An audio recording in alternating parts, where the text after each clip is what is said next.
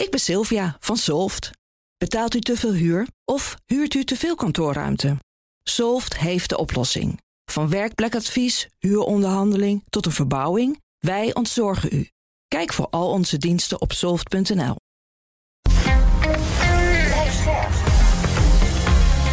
BNR Nieuwsradio. BNR breekt. Kees Dorrestein. Goed dat je erbij bent. Wij breken jouw ochtend met meningen van opkomende opiniemakers. En uiteraard ook van een deskundige. Vanaf half twaalf praten we onder andere over dat stikstofrapport van Johan Remkes. Want het kabinet komt vandaag met een reactie. Wordt die helemaal overgenomen? Is al wel wat uitgelekt? Conclusie: nee. Is dat een slim plan? Hebben we het over met het panel vandaag. En het is een leuk politiek panel vandaag. Geert Noord zei onder andere raadslid in Amsterdam namens de PvdA. Ja, fijn om er te zijn. Je kwam binnen. Ik, ik hoorde als, iets wat me een beetje pijn deed als journalist. Je zei, ja, we hebben wel partijdiscipline, dus ik moet... Nee, uh... niet partijdiscipline. Je hebt natuurlijk wel dat je rekening houdt met elkaar. Dat is wel belangrijk. En dat sowieso vind ik belangrijk. Um, dat je gewoon rekening houdt met elkaar. En dat je niet uh, zomaar dingen doet. Hoe, wat, wat betekent dat? Ja, dat je bijvoorbeeld um, als je. Um, nou, even nadenken hoor. Bijvoorbeeld als je. Um, over wat mag jij het niet hebben nu? Ik mag het over alles hebben. Alles? Ja, maar het is belangrijk dat je elkaar op de, um, op de hoogte houdt... en dat je elkaar vertelt wat je gaat doen en wat je niet gaat doen. Oh, dus dat je, je rekening houdt met oh, elkaar. En jouw dat fractieleden is wel... weten nu dat je hier zit. En die zijn allemaal aan het luisteren en die weten dat je... Ik hoop dat ze allemaal aan het luisteren zijn. Ja, mag ik hopen, veel pijn doen. de luistercijfers. Ja, precies. Alhoewel, hoeveel, hoeveel, hoeveel, hoeveel groot is PvdA tegenwoordig? In, uh... in Amsterdam zijn we de grootste ja, partij precies. met negen zetels. Ja, ja, precies. Dan is het wel goed voor de luistercijfers. Dat, ja. dat, dat spreekt toch negen luisteraars erbij. Je moet pakken wat je pakken kan. Nathan Kramer hoorde je ook even. Bestuurslid van Perspectief. De jongere partij van ChristenUnie. Ja, jullie hebben helemaal. Ja, je mogen alles zeggen. Ja, nou ja. Ja, we mogen, nou ja, we mogen niet uh, opruien en dingen doen die tegen de wet ingaan. Maar dat geldt voor meer mensen ja, wel. Dat geldt ook voor Geert. Dat geldt ook voor, Geert, ja. geldt ook voor jou. Uh, nee, maar we hebben, we hebben wel een beetje van de. Ja, de, de, spreek gewoon vrij uit, maar overleg het eerst even voordat je rare situaties krijgt. Dus, ja. Oh, dus je zit eigenlijk wat dat betreft wel een beetje hetzelfde in. Ja, op zich. Maar het verschil is wel, ik ben onderdeel van een uh, jongere partij. En, Geert is een bestuurder. Ja, Geert, Geert, Geert, nou, geen bestuurder, ik ben een volksvertegenwoordiger. Ja, maar ja, wat denk ik de algemene gewoon lijn is, en dat is gewoon heel belangrijk überhaupt, is dat je elkaar gewoon op de hoogte houdt en dat je elkaar niet uh, opeens voor verrassingen neerzet. Precies. Ja. Zullen we gewoon maar even gaan, goed gaan discussiëren? Ik heel goed. Ja, oké. Okay. BNR breekt. Breekijzer. Ja, het is eigenlijk geen breekijzer vandaag. Hè? Geen stelling, maar gewoon een vraag aan jou als ondernemer of als luisteraar... die iets heeft met ondernemers of gewoon een stevige mening heeft. Zijn de energiesteunmaatregelen voor ondernemers, dus het MKB, goed genoeg die nu op tafel liggen? En dan hebben we het over de plannen die de Telegraaf in handen heeft. Energie-intensieve bedrijven, dus ondernemingen die minstens 12,5% van hun omzet aan energiekosten kwijt zijn... krijgen de helft van hun energierekening gecompenseerd. Maar dan wel maximaal 160.000 euro per bedrijf. De regeling gaat tussen de 2,5 en 3 miljard euro kosten. Dat is dus wat de Telegraaf meldt vandaag. En uh, op basis van bronnen in Den Haag... Mogelijk wordt dit dus ook uh, straks bekendgemaakt. Of wordt er nog snel gelobbyd en wordt die toch nog een klein beetje aangepast. Na de ministerraad weten we het definitief. Hoor je dat ook op BNR? Er zijn natuurlijk al wel wat kanttekeningen bij te zetten. Onder andere Martijn van Helvert deed dat vanochtend bij Bas. Voorzitter van MKB Limburg is die. Het is heel veel geld natuurlijk, ja. als je de helft van de energiekosten terugkrijgt. Maar als een bakker normaal gesproken 3.500 euro per maand aan energiekosten betaalt... en nu 42.000 euro, nou dan moet je dus uh, na uh, een, een, een, jaar moet je een half uh, miljard, of een half miljoen oh, ja, energiekosten het niet ja, gek. half miljard, zo erg is het ook, ja. zo erg is ook niet. Nee, moet niet. je een half miljoen aan energiekosten betalen... en dan krijg je de helft terug, maar dan moet je nog steeds een kwart miljoen aan energiekosten betalen. Nou ja, zijn de energiesteunmaatregelen voor ondernemers goed genoeg? Je kan nu bellen 020 468 4 keer 0. En uh, ja, we hebben wat problemen met het internet. Kan er af en toe uitvallen. Dus uh, op het moment dat je er niet doorheen komt... blijf even proberen. 020 468 4 keer 0. Vind, zijn de energiesteunmaatregelen voor ondernemers goed genoeg? En ik wil zeker even een paar ondernemers horen. Hein Roelsema is universitair hoofddocent recht, economie, bestuur en organisatie aan de Universiteit Utrecht. Welkom. Welkom, goedemorgen. We hebben u als deskundige erbij uh, gevraagd. Uh, dus uh, ik wil ook met u beginnen. Deze maatregelen liggen nu dus op tafel. je moet uh, meer dan 12,5 procent of in ieder geval minstens 12,5% of meer dus aan energiekosten kwijt zijn als ondernemer. Tot max 160.000 euro en dan wordt de helft gecompenseerd. Is dat, als, toen u dit hoorde, dacht u toen van ja, dit is een, een stevige maatregel? Dat was niet mijn eerste idee. Um, ik vond vooral, denk ik, ook die 160.000. Dan dacht ik van hoe. En hoe gaat het met het wat grotere midden- en kleinbedrijf eh, dan uitpakken, waar ook heel veel werkgelegenheid natuurlijk zit in Nederland.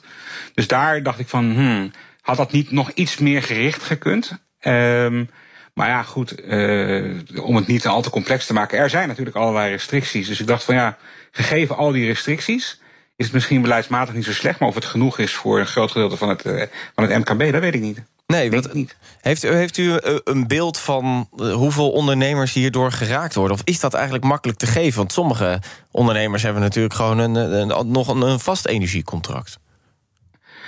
Ja, maar ik denk dat, net als bij consumenten, uh, dat A wel wordt aangepast. Ik denk ook wel dat ondernemers over het algemeen sowieso qua financiering wat flexibeler zijn dan consumenten. Dus ik vermoed dat dat wel een percentage, ik weet niet precies hoeveel hoor, sorry, dat soort dingen. Mm Maar uh, ik vermoed dat, dat dat misschien juist wel flexibeler is. Dus dat is wel terecht om daar goed naar te kijken dan, hè?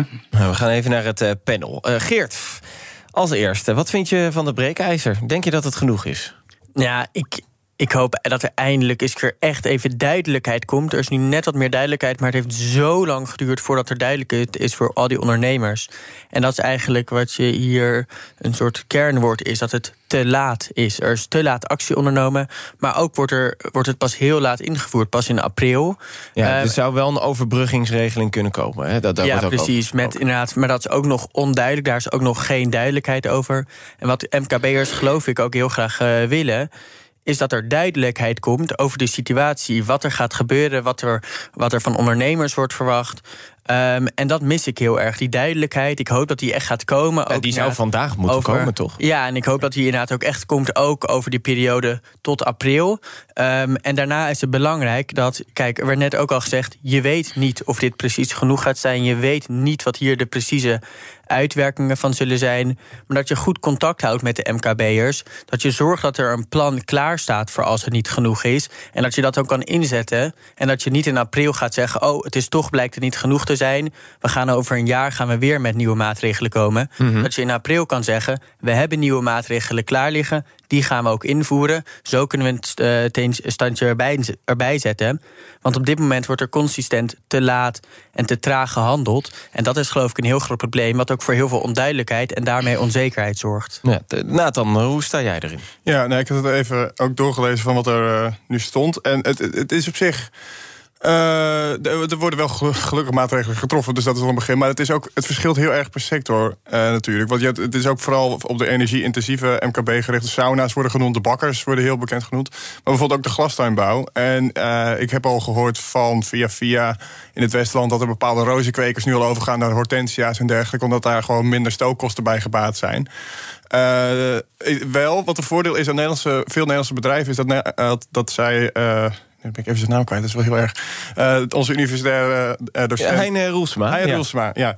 Uh, hij, hij, noemde ook al van dat het door bedrijven waarschijnlijk makkelijker te dragen is dan voor consumenten. En bedrijfsvermogen in Nederland is relatief groot. Dus daarop denk ik wel dat dit wel ja, een goede aanvulling is. Ja, ik, ik, ga even terug naar de heer Roelsma, universitair hoofddocent recht, economie, bestuur en organisatie dus aan de Universiteit Utrecht. Wat een mond vol zeg. Potverdikkie. Ja, gewoon Hein zou ik zeggen. maar... Gewoon Hein. U heeft bijna een, een, een dubbele LinkedIn-pagina nodig... om deze hele titel neer te kunnen zetten. Um, um, op zich, Nathan, die zegt uh, wel terecht... Uh, inderdaad, wat u, wat u ook al zei... van bedrijven hebben veel uh, vermogen... Um, is het dan inderdaad ook niet goed dat de overheid zegt... ja, kijk, we, we vangen de helft, maar de andere helft... dat is, dat is dan het ondernemersrisico? Ja, nou ja, kijk, overigens die maatregelen zoals ik ze nu ook lees, gaan wel wat verder dan die 160.000. Het gaat ook over dat we teruggaan naar een aantal coronadingen. Wordt gesproken over bijvoorbeeld uitstel van belastingen, het uh, eventueel hebben van garanties voor leningen erop. Dus het is best wel een breed pakket uh, daarop. Dus dat is ook wel die, die doel. Al heb je bijvoorbeeld die buffers niet, En dan komen er ook weer dingen in deze steunmaatregelen bij. Hè? Dus dat je dan niet meteen op de belasting failliet gaat. Of dat je eh, een bank kan overtuigen met een eigen klein risico. Dus er zitten wel meer dingen in, juist voor die, uh, voor die groep. Um, iets anders wat ik een beetje proefde, uh, ook uit het commentaar, is van ja, het is heel erg gericht op energie-intensieve uh, ondernemers. Dat is op zich kan ik me, kan je mij voorstellen. En bij het doel natuurlijk ook doel, doelgericht. Maar aan de andere kant hoor je ook om je heen dat het voor heel veel bedrijven geldt. En ik vraag me wel af, als dit langer gaat duren, als die energieprijzen zo hoog worden. Uh, ja, wat, wat voor de rest. Overigens, een van de dingen die ik nog even wil benoemen. Als je mm -hmm. door allerlei macro-economische dingen heen leest. Ja. dan is het doel hier misschien niet in eerste instantie het redden van bedrijven. maar het zorgen dat zij niet die energiestijgingen doorberekenen in hun prijzen. Waardoor, we, allerlei, waardoor we een prijsspiraal krijgen. Ja. Dus het doel hiervan is ook wel ietsje anders. Ja, maar, maar toch, u heeft het inderdaad, uh, want dat, dat waren andere details... Uh, over dat er mogelijk belastingregelingen kunnen komen. Uh, nu zitten er ook, dat, dat weten we ook sinds vandaag... er is dus 39 miljard euro aan steun gegeven aan bedrijven... tijdens de coronacrisis. Een deel daarvan, uh, belastingsschuld, volgens mij ligt dat rond de 20 miljard... Uh, moet nog terugbetaald worden.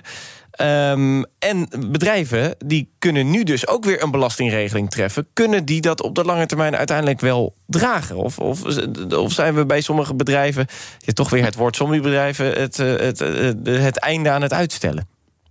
Nou, ik, ik, ik eerst op je zombiebedrijf, want dat hoor je overal heen, ook onder economen. Het is eigenlijk wel goed dat uh, de zwakke broeders omvallen. Daar ben ik het echt totaal niet mee eens. Uh, die moeten omvallen als er goede redenen voor zijn dat ze om moeten vallen. Niet doordat we een enorme schok hebben. Uh, waar veel van die bedrijven die prima functioneren niet aan kunnen voldoen. Dus kijk, wat ik denk een voordeel is van die belastingmaatregelen... is dat je op een gegeven moment kunt kiezen hoe lang mag je erover doen om het terug te betalen? Mm -hmm. Dus je kunt het vrij lang voor je uitschuiven. En daar ook over de duidelijkheid. Dan kun je er ook redelijk goed op plannen. En moet je natuurlijk toch wel iets van winstgevendheid hebben om eraan te voldoen. Ja. En je kunt dan alsnog failliet gaan, kon je dat niet. Maar het geeft wel veel meer flexibiliteit in terugbetalen. Um, ja, je kunt natuurlijk zeggen, van, ja, als de crisis op crisis blijft volgen, dan gaat deze redenatie niet helemaal op natuurlijk. Dus we hopen natuurlijk wel op een gegeven moment dat de zon weer doorbreekt. Ja. ja. Maar de, als we dan nu kijken naar de rekening, het zou 2,5 tot 3 miljard euro kosten. Als ik dan dat vergelijk met, met de rekening voor de huishoudens, 23,5 miljard, is dit dan niet een veel te laag geschat bedrag vanuit Den Haag? Ja, kijk, nou ja, goed. Um, ik, ik denk dat er in Den Haag een behoorlijke grote fout gemaakt is, denk ik. En ook als je naar de centrale bank hebt geluisterd. In eerste instantie ging er volgens mij een beetje van uit dat als we aan koopkrachtreparatie doen, dat we dan helemaal niets hoeven te geven aan het bedrijfsleven. Want die kunnen dan in zekere zin een beetje het doorberekenen. Mm -hmm. Nou, dat gaat niet lukken met deze inflatie. He, uh, huishoudens worden gewoon. En nu heb je als het ware een soort aanvullende regeling nodig voor het MKB. Maar als je naar, naar, naar Knot luisterde, nog maar een paar maanden geleden, die zei: die regeling moet er helemaal niet komen. We moeten dat allemaal via individuele koopkrachtreparatie doen. Dus dat is blijkbaar niet gelukt. Nou, en in dat licht moet je denk ik ook het verschil tussen he, die 39 miljard en die 3 miljard uh, zien. Uh, uh, maar kunt u dat iets meer verduidelijken dan? Ja. Van het, het, het, is niet gelukt om het uh, individueel te doen. Dus u denkt dat eerst Den Haag gekeken heeft van... kunnen we eigenlijk iedereen individueel steunen... zodat we de bedrijven niet hoeven te steunen? Ja, dus dan kunnen die bedrijven in zekere zin een beperkte prijsstijging van energie doorberekenen in hun prijzen. En als we de mensen compenseren voor die energierekening, dan kunnen die dat ook betalen. En dat lukt niet. Nee. Precies, en daarom uh, dus dat toch die regeling Daar voor ik, ja. de bedrijven er moet komen. Laten ja. we even naar een bedrijf gaan. BNR breekt. Kees Dorrestein. Ja, want ook bij mij is uh, Cynthia van Witsen, general manager van Spa Zuiver in Amsterdam. Nou, als je het over energie-intensieve bedrijven hebben, dan hebben we het ook zeker over de sauna- en wellnessbedrijven. En dit is een sauna- en wellness resort. Met uh, natuurlijk een flinke energierekening, flinke gasrekening. Uh, goedemorgen, Cynthia. Goedemorgen, Kees. Hallo. Ja, als, uh, als je de maatregelen uh, die nu dus uitgelekt zijn... de definitief horen we vanmiddag, hoort... Uh, word je daar dan blij van? Ja, nee. Dit, dit, dit is... Dit is uh, ja, dit is een druppel op een, op een gloeiende plaat. Dat, dat zal je begrijpen voor een, een, een groot verbruiker als wij. Dit is, dit is een leuke maatregel voor de bakker op de hoek. Maar ja, niet, niet voor ons. Dit, dit is een nou ja, wat zal het zijn? Een compensatie zijn uh, op, op, op, maandbasis. Uh, maar nee, hier worden wij niet blij van. Nee. Want, want, waren... want hoe hoog is uw energierekening? Nou, als we kijken op, uh, op, op, uh, op uh, nou ja, pre-corona zaten we op rond de 8 totale energiekosten per jaar. En wij zijn natuurlijk per augustus zijn al, is Elektra al variabel geworden. Waardoor we daar al een stijging zien van 500, 600 procent. Dus daarmee gaan we einde van het jaar op, wat zal zijn, 1,1 miljoen uitkomen.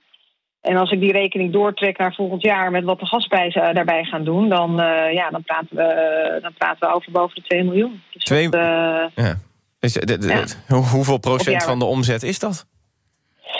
Uh, dat is zo'n, nou, wat zal het zijn, 15 procent. 15% van de totale omzet. Komt u op zich wel ja. boven de 12,5% regel. Maar ja. Uh, ja, het is niet die 160.000 uh, natuurlijk. Uh, mag ik even vragen, want dat, dat vroeg me sowieso af. Um, energie, voor, voor huishoudens is het gewoon een energiecontract. En dat, dat staat dan vast. En dan heb je dan een jaar of een paar jaar. Hoe zit dat bij bedrijven en dan specifiek bij uw bedrijf? Uh, nou, wij hebben, voor gas is die, uh, is die, uh, is die vast. Hè? En bij, als we het hebben over de elektra, dan, dan worden daar de afspraken over gemaakt. En die, zijn, die waren tot en met tot augustus waren die vast. En daar is een, ja, er zit een tussenpersoon die daar inderdaad die, die, die prijzen onderhandelt. En dat is per augustus is dat dus ja, gedeeltelijk vast en gedeeltelijk variabel.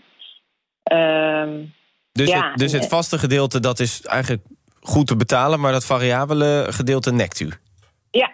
En zou ik, zou ik u ook ja, nog wat mogen... Ja, dat is nu al, laat maar zeggen, ja, wat zal het zijn, 60.000 euro per maand. Uh, op het moment dat het variabel is geworden, is dat al gestegen. Ja, nee, Geert Noord zei Ja, ik heb ook nog gevraagd. Hoe lang maakt u zich hier al zorgen over, over die stijgende kosten, die stijgende energiekosten? Nou, wij zijn al heel lang bezig, uh, ook met externe partijen, om te kijken naar energietransitie. Dus wij, uh, uh, ja, dat is niet gisteren. We zijn al heel lang bezig met verduurzamingsplannen. En, ehm, dus ja, dat, dat, dat is nu, vind ik, dit wel ernstig. Hè, we moeten nu maar kijken, kunnen we überhaupt, hè, hoe lang kunnen we dit nog volhouden? terwijl we ons veel liever bezighouden met verdere verduurzaming. Ja, dat speelt natuurlijk al jaren. we, we, horen ook bijvoorbeeld uh, verhalen hier op BNR uh, van uh, kaseigenaren... planten- en bloemenkwekers die dus gaan afschalen... of die iets anders gaan doen. Hoe zit dat bij u? Want met, met een energierekening van 1,2 miljoen... weet ik niet of je altijd de sauna aan moet laten staan natuurlijk. Nee, nou ja, wij zijn... Kijk, überhaupt al bezig in, in verduurzaming. Hè. En, en, kijken ook kritisch inderdaad. Uh, maar wij zijn, kunnen niet de helft van onze sauna dichtgooien. Zo werkt dat niet. Maar we kijken, we zijn natuurlijk al ene, enige tijd terug zijn we aan het kijken hoe kunnen wij uh, nou ja, sauna's eerder al uitdoen. Hè, zodat de hitte blijft nog lang binnen. Dat we al eerder de sauna's ietsje eerder uitdoen. Dus dat, natuurlijk zijn we daar al lang mee bezig, ja. Cynthia van Witsen, general manager van Spa Zuiver in Amsterdam. Dank u wel. Toch even terug naar Hein Roelsema, universitair hoofddocent dus aan de Universiteit Utrecht. Uh, meneer Roelsema, eerder deze maand hoorden we ook al dat kweekbedrijf Plantice de stekker uit het bedrijf heeft getrokken. 400 man personeel uh, op straat. Stel nou dat meer bedrijven dit genoodzaakt moeten doen. Bijvoorbeeld sauna-bedrijven die dus een energierekening van 2 miljoen per jaar gaan, gaan zien. Wat betekent dat voor de economie? Ja, dat is natuurlijk, uh, dat, dat is natuurlijk slecht, uh, slecht voor de economie. En ook, uh, dat gaat over heel grote onzekerheid natuurlijk. Hè, dat mensen hun baan gewoon verliezen.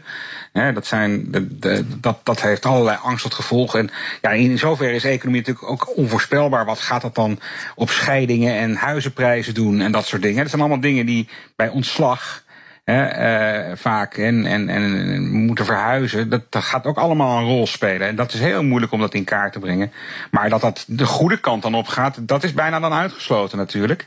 En uh, dus nee, dat is, uh, dat, is, uh, dat is lastig. En je zou je eens kunnen voorstellen dat we in een volgende fase, als het door blijft gaan. Hè, dat je gaat kijken van moeten we dan niet richting maatregelen zoals we bij corona hebben gehad. Hè? Dus uh, als je werknemers uh, in dienst houdt, dat je daar dan wordt voor gecompenseerd. Dus dan krijg je denk ik misschien nog een meer gerichte uh, stap op het, uh, ja, op, op de, het niet ontslaan van werknemers. Dat soort dingen moet je dan denk ik ook wel aan denken. Nou, op zich de energieanalisten verwachten dat dit zo tot 2025 kan duren. Ja.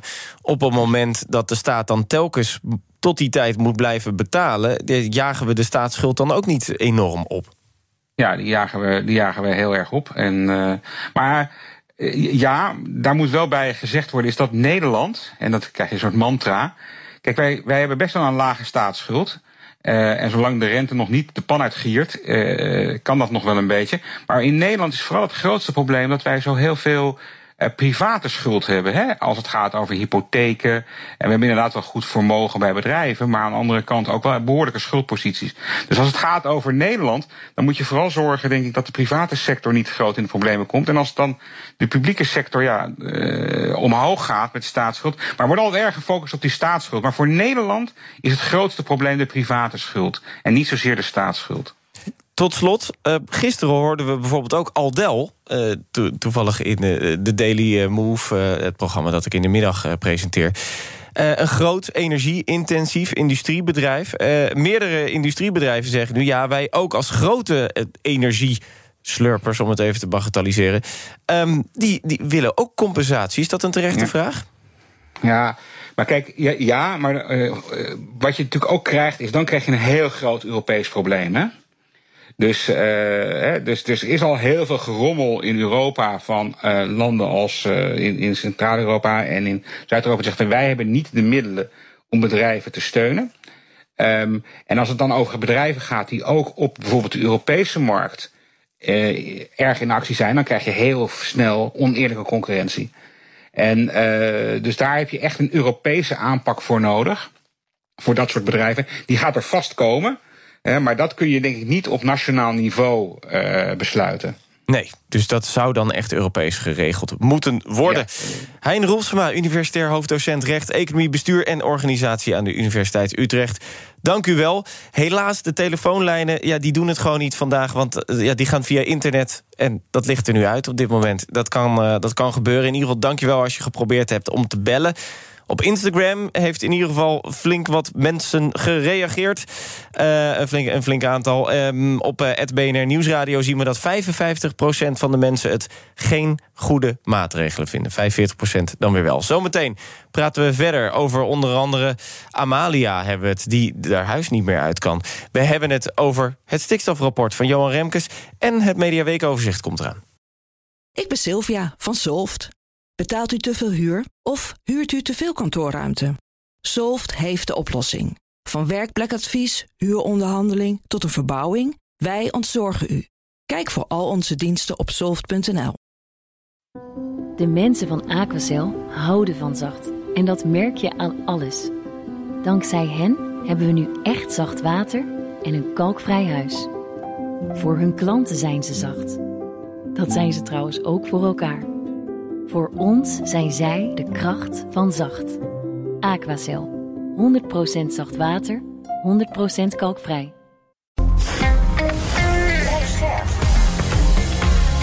BNR Nieuwsradio. BNR breekt. Kees Dorrestein. Ja, goed dat je er nog steeds bij bent. In mijn panel vandaag uh, Geert Noordzij, raadslid in Amsterdam namens de PvdA, Nathan Kramer. Aan de andere kant bestuurslid van Perspectief, de jongere partij van ChristenUnie.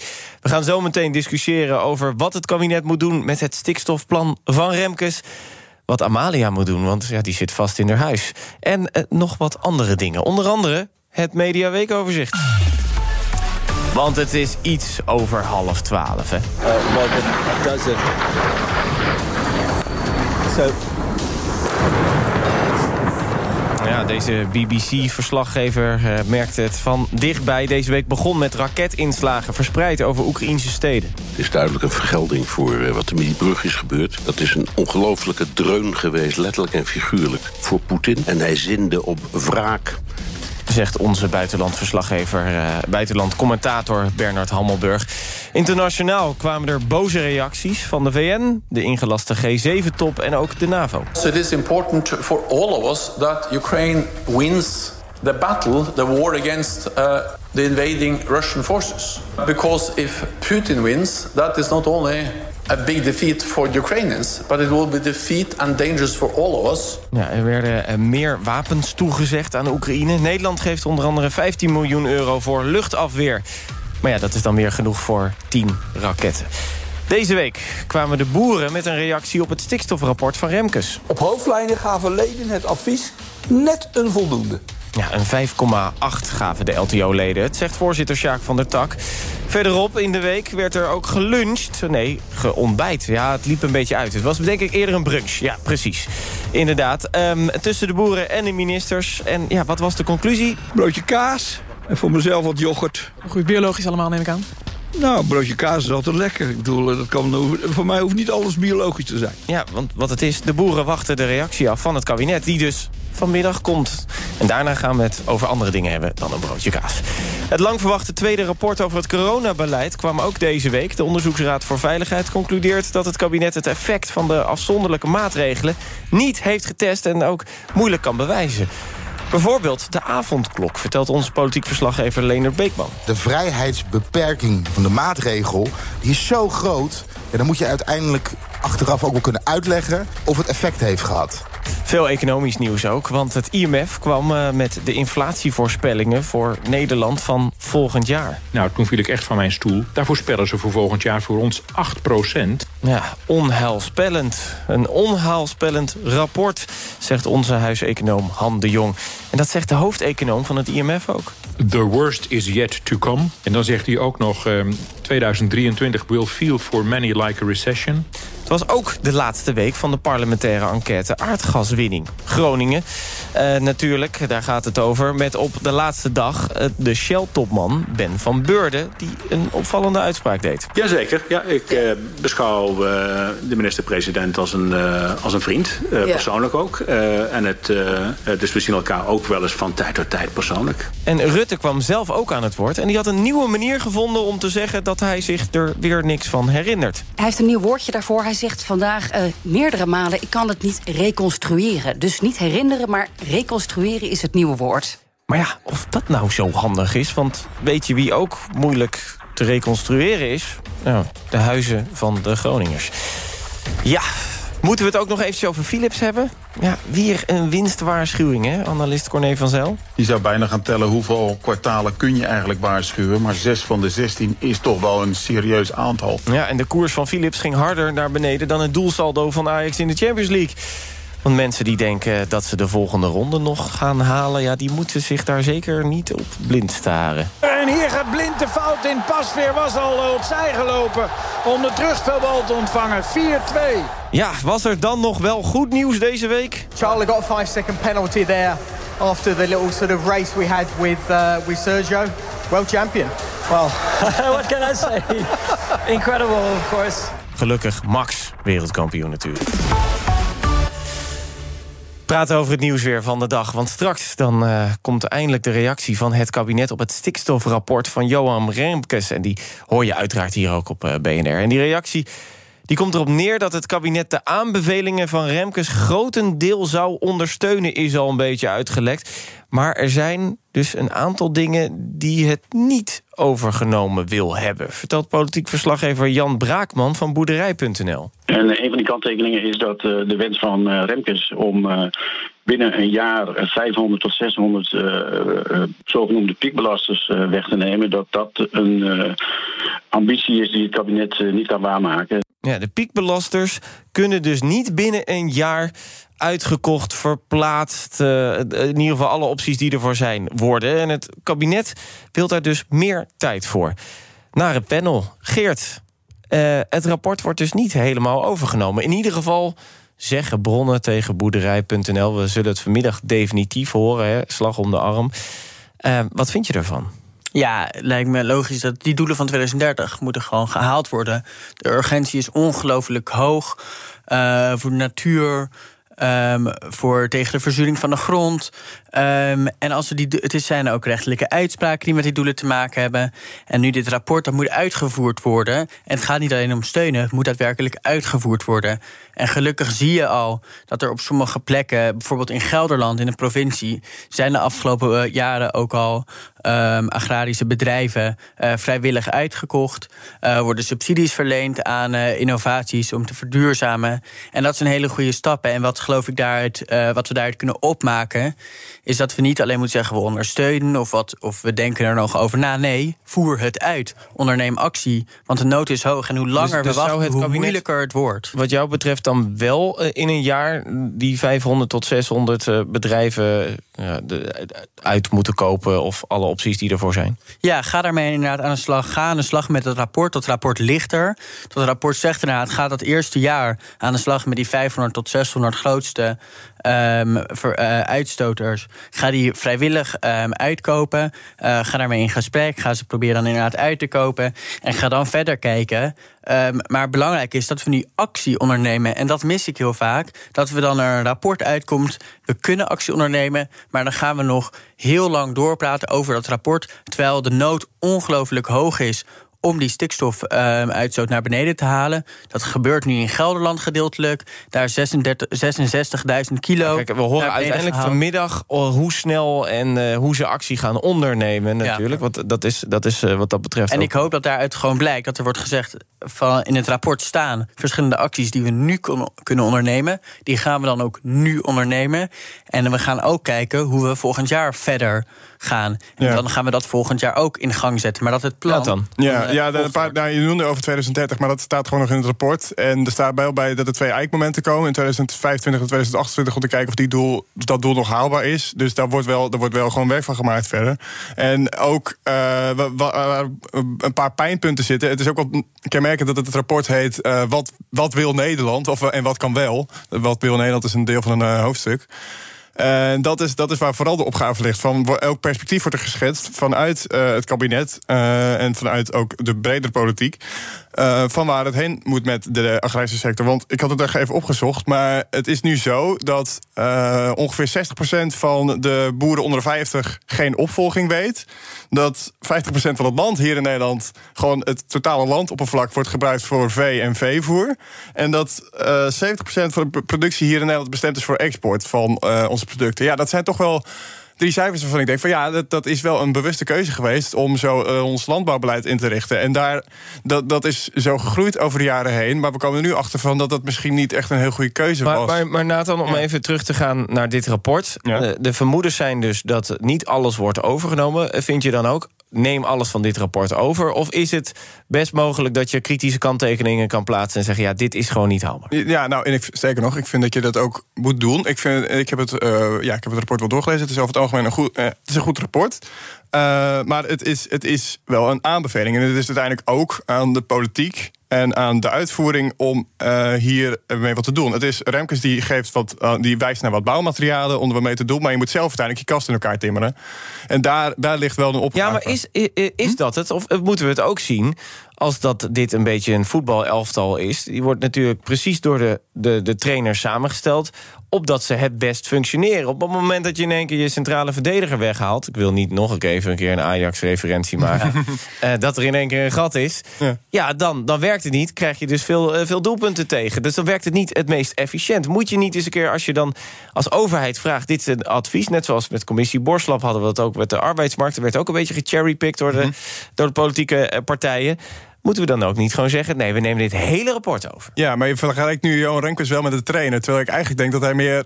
Hij staat wel aan de zijlijn, maar degene die uiteindelijk de spelers het veld moet sturen... zegt van, hey, ga hier links achter, rechts Ja, maar we kunnen nu eindeloos Ja. gaan praten over de positie van Remkes en allemaal vergelijkingen maken. Maar uiteindelijk ligt dit rapport er. Er zijn heel veel mensen heel tevreden over dit rapport. Ja, de boeren van hebben- verschillende kanten hebben inderdaad. eh, overal voldoende best gekregen. eh, positief ja. zijn. 5,8 inderdaad, maar dat, Dit daar rapport ligt er. Geef er uitvoeringen aan en ga aan de slag om die stikstofdoelen te halen. Want die stikstofdoelen zijn ongelooflijk nodig om te halen voor onze natuur.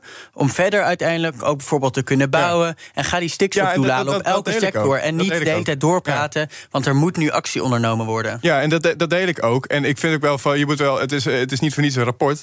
Maar toch, het is aan de uitvoering zelf om te kijken... wat doen we ermee en hoe gaan we dat doen. Ja, vanmiddag, vanmiddag hoor je dus op BNR wat ze ermee gaan doen. De mensen van Aquacel houden van zacht. En dat merk je aan alles. Dankzij hen hebben we nu echt zacht water en een kalkvrij huis. Voor hun klanten zijn ze zacht. Dat zijn ze trouwens ook voor elkaar. Voor ons zijn zij de kracht van zacht. Aquacel. 100% zacht water, 100% kalkvrij. Ik ben Olivier van Solft. Betaalt u te veel huur of huurt u te veel kantoorruimte? Solft heeft de oplossing. Van werkplekadvies, huuronderhandeling tot de verbouwing. Wij ontzorgen u. Kijk voor al onze diensten op soft.nl. BNR breekt. We gaan het hebben over uh, Amalia. Want prinses Amalia, dat, weten we sinds gisteravond... kan uh, vanwege veiligheidsredenen haar huis niet meer uit. Een tijdje geleden werd al bekend dat haar beveiliging was opgeschroefd. Dat ze ook nu is vertrokken uit Amsterdam is bekend. En criminelen die zouden het op haar voorzien hebben. Ja, Geert, dit, dit is natuurlijk, uh, dit, dit wens je niemand toe. Nee. Maar is hier iets aan te doen? Dat, dat is de vraag. Of zitten we nu nou eenmaal in een maatschappij waar dit soort dingen kunnen gebeuren? En als je dan een hoogwaardigheidsbekleder bent, ja, dan hoort dat erbij. Nou, ik denk dat het er nooit bij hoort en dat we het nooit normaal moeten gaan vinden dat iemand zodanig bedreigd wordt dat diegene zijn of haar huis niet meer uit kan. En ik denk dat dat ook een gevaar is eigenlijk voor de rechtsstaat waarmee we nu zitten. En ik denk dat we heel erg ook moeten kijken naar de verharding van het debat en de, de, de, het opkomende extremisme. En ik denk dat ik me daar ongelooflijk zorgen om maak. En ik denk dat we het nooit normaal moeten gaan vinden. Dit is bizar wat hier gebeurt. Dat iemand haar huis niet meer uit kan vanwege het hoge aantal bedreigingen. Ja, de, Anne Kuik eh, van het CDA, eh, Nathan, zegt uh, dat, dat de overheid en de samenleving de handen in één moeten slaan tegen de georganiseerde misdaad. Is dat mogelijk? Nou ja, het is, dat lijkt me zeker mogelijk. Maar zijn we er niet al mee bezig? Dat is Ja, dat, dat, dat, was, dat was mijn tweede vraag. Van de, de, de, het lijkt me raar dat we daar niet mee bezig zijn. Maar uh, ja, het is, ik, ik deel het ook met Geert. Het, het is bizar dat het zover uh, moet komen. En dat ook het zo lang aan de onder de oppervlakte is blijven simmeren. Blijkbaar dat, dat hier bedreigingen bij zijn. En dat was ook al uh, vorige periodes ook een heel veel en nu ook nog steeds. Het is alleen maar toegenomen, ook bij heel veel politici, een toename aan bedreigingen. En dat, dat het lijkt bijna normaal te worden. Maar het is, het is zoals Geert ook zei, het is, dit, is, dit is van de zot. Ja, maar dit gaat verder dan bedreigingen. Dit, dit, dit zijn bedreigingen uit, uh, uit het criminele circuit. Mm -hmm. die, die zouden haar of iets aan willen doen... of haar mogelijk willen kidnappen. Ja, dat weet je niet, maar dat, dat is echt wel een, een serieus gevaar... waardoor ze echt haar huis niet meer uit kan, wat dat betreft. Maar, moet ze eigenlijk niet gewoon naar het buitenland? Om daar te studeren en dat te leven. Dat is natuurlijk niet aan ons, dat is natuurlijk aan de veiligheidsdiensten ook... om daarover te kijken wat is het meest veilig, um, ook voor haar. Maar alleen al het feit dat deze vraag op tafel staat... vragen, moet iemand niet in het buitenland gaan studeren... vanwege ja. dienstveiligheid? Dat laat zien hoe groot het probleem is waarmee we zitten... en hoe hoog de urgentie ook is. En ja ik, ik, ik, ik, het is heel lastig om onder woorden te brengen van wat, eh, hoe, hoe ernstig het is. Omdat het gewoon, het is echt een groot gevaar ook. Je ziet het van die opkomende inderdaad uh, criminaliteit. En daar, uh, dat moet echt aangepakt worden. We uh, gaan nog eventjes, uh, Nathan, naar een onderwerp uh, dat jij graag wilde bespreken. Staatssecretaris Maarten van Ooyen van Volksgezondheid... heeft het overleg met problematische uh, nou, in ieder geval vooral met uh, het overleg wat betreft problematisch drankgebruik stopgezet. Dus het overleg met uh, de, de, de alcoholbedrijven. Ja, het overleg zelf was ook wel problematisch te noemen. Maar, Hoezo ja, was dat overleg problematisch? Nou ja, het was, dit is voortgekomen uit de wens om het Nationaal Preventieakkoord te, tot uitvoering te brengen. Even de achtergrond. er, is, ja, er is dus een overleg geweest tussen alcoholproducenten en gezondheidsorganisaties. Volgens mij staat Trimbos er ook bij. om te kijken hoe het tot uitvoering wordt gebracht. En dat is nu op opgeheven omdat het tempo te laag was. En Maarten van Ooyen, de staatssecretaris van uh, VWS... Ja, geen van de ChristenUnie van de ChristenUnie, ja. Uh, en oud perspectief, uh, bestuurslid ook. ja, dit, en ik, ik, ik, het, is, het is rigoureus... Maar ik denk wel dat het nodig is. Want ik, ik heb het nog even opgezocht. Van, we hebben jaarlijks in Nederland ongeveer 2,5, 3 miljard uh, aan. Dat is bijna volgens mij ook een steunpakket aan de MKB, nu ik erover nadenk. Nou, als we allemaal stoppen met, met problematisch drinken, dan uh, zouden we het kunnen betalen. Dat is heel cru gezegd, maar dat zou, dat zou in kostenbaten zou dat bijna zo zijn, ja. En daar zetten, het is natuurlijk ook maar één bron waar het over gaat, en dat is alcohol. Maar die lobby is heel sterk met ook met alcohol, tabak en andere uh, kwaaddoeners. Ja, dat, dat blijft er gewoon in. Maar wij zouden als maatschappij er echt even weer kritisch naar moeten kijken. Van gut, waarom houden we het al zo lang in stand? Dat, het, dat, het, dat we toestaan dat het miljarden, eh, volgens mij 8 miljard aan kosten per jaar met gezondheidszorg en uh, sociale overlast en, en werkgelegenheidsafname. Het, dus, het, het, het, dus een impact. Nog heel even in de laatste uh, 15 seconden van de uitzending. Wat moet er dan, wat jou betreft, concreet gedaan worden?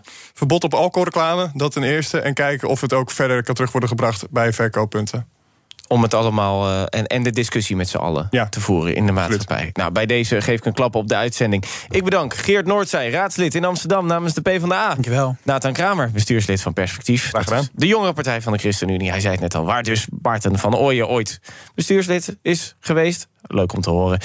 En ja, natuurlijk zometeen BNR Zaken doen... vanaf de Tilburg University met Thomas van Zel... en een, uh, een heleboel helikopters. Dus dat is echt de moeite waard om te luisteren. En uiteraard reacties van de ondernemers... op het energiesteunpakket van de overheid voor het MKB. En natuurlijk sluiten we BNR Zaken doen op vrijdag altijd af...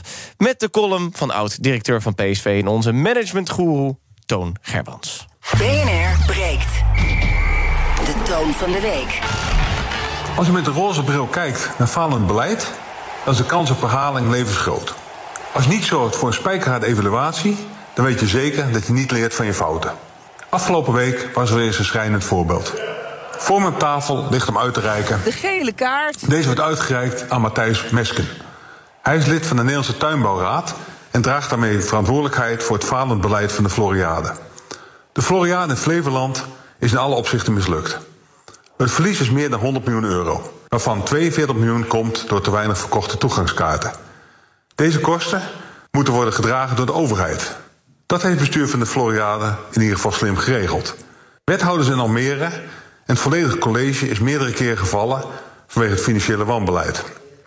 Nu is een discussie geopend of de Floriade over tien jaar in deze vorm moet doorgaan. Uiteraard hebben zich tot nu toe geen kandidaten gemeld. Mijn inschatting is dat het ook niet gaat gebeuren. Je moet wel erg masochistisch zijn ingesteld als je hier voor je nek gaat uitsteken bij dit soort financiële risico's.